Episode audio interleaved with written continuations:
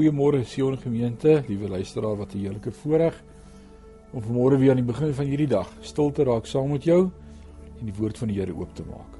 Ons is hierdie week besig om te gesels oor die vrug van die Gees, soos wat ons ook vind in Galasiërs 5 vers 22 en 23. En vanmôre wil ek met jou gesels oor langmoedigheid of dalk beter bekend by ons as geduld. Daardie klein woordjie waarmee so baie van ons sukkel. Veral in hierdie tyd van lockdown is ek seker dit is een van die goed wat getoets word by elkeen van ons. Daar is meer as ooit van tevore, soveel gebeurtenisse wat nog meer as ooit van tevore ons geduld toets. Ons is vir langer tydperke vasgevang by die huis. Dit voel asof ons vryheid van ons weggeneem is. Geduld is gewoonlik heel eerste by die deur uit wanneer ek en jy getoets word. Kom ons kyk 'n bietjie waar in die woord kry ons voorbeelde van geduld. Ek wil vanmôre met jou praat oor Abraham. Hy wag vir 25 jaar vir die koms van Isak. Abraham wag van Genesis 12 tot Genesis 22 vir God om sy belofte in vervulling te bring. Vir ons wat dit lees, klink dit nie so lank nie, want ons lees daardie paar hoofstukke binne 30 minute.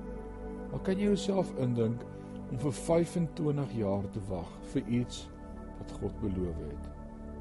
Ons sien dat vir 25 jaar lank hou Abraham vas aan elke belofte wat God gemaak het.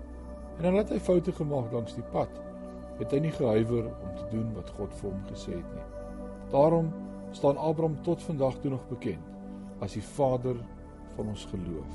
Hy was 'n man aan wie God sy hele nasie kon toevertrou en in wie se nageslag God sy seun kon stuur om gebore te word vir my en vir jou.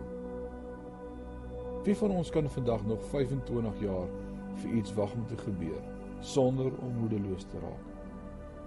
Dis effe moeilik want die wêreld waarin ons vandag leef behoort alles so vinnig en gemaklik te probeer doen. Die TV, sosiale media is vol gewigverliesprodukte wat jou oornag gewig sal laat verloor of 'n nuwe pot wat twee keer vinniger kook as die vorige een. Alles word gemaak om vinniger en makliker te gebeur. En laat net durf, nie so vinnig wees soos wat hulle gesê het dit gaan wees nie. Is ons almal defieste in. Ons as mens het meer en meer ongeduldig geword. Nie net in ons persoonlike lewe nie, maar ook in ons geestelike lewe, in ons verhouding met God. Ons dink dat ons deur net reg te bid en die regte rympies op te sê, dat God vinnig van sy troon sal afspring en doen wat ons van hom verwag. Die rede hoekom ons moet leer om geduldig vir God se beloftes te wag, is omdat God ons kosbare lewenslesse wil leer in die tyd wat ons op hom wag om die beloftes te volbring. Abraham moes leer om te wag. Israel het hoe lank gewag vir die koms van 'n Messias en dit steeds gemis. Mag ek en jy leer om geduldig te wag op God se tyd maar ook om geduld met mekaar te hê in hierdie proses. Omdat ons weet dat elkeen van ons nog in die proses is waarin God met ons besig is. Mag ons meer geduld hê met mekaar en dan ook vandag met onsself. Mag ons leer om kalm te wees oor dit wat God besig is om te doen in elkeen van ons se lewe. Kom ons bid saam.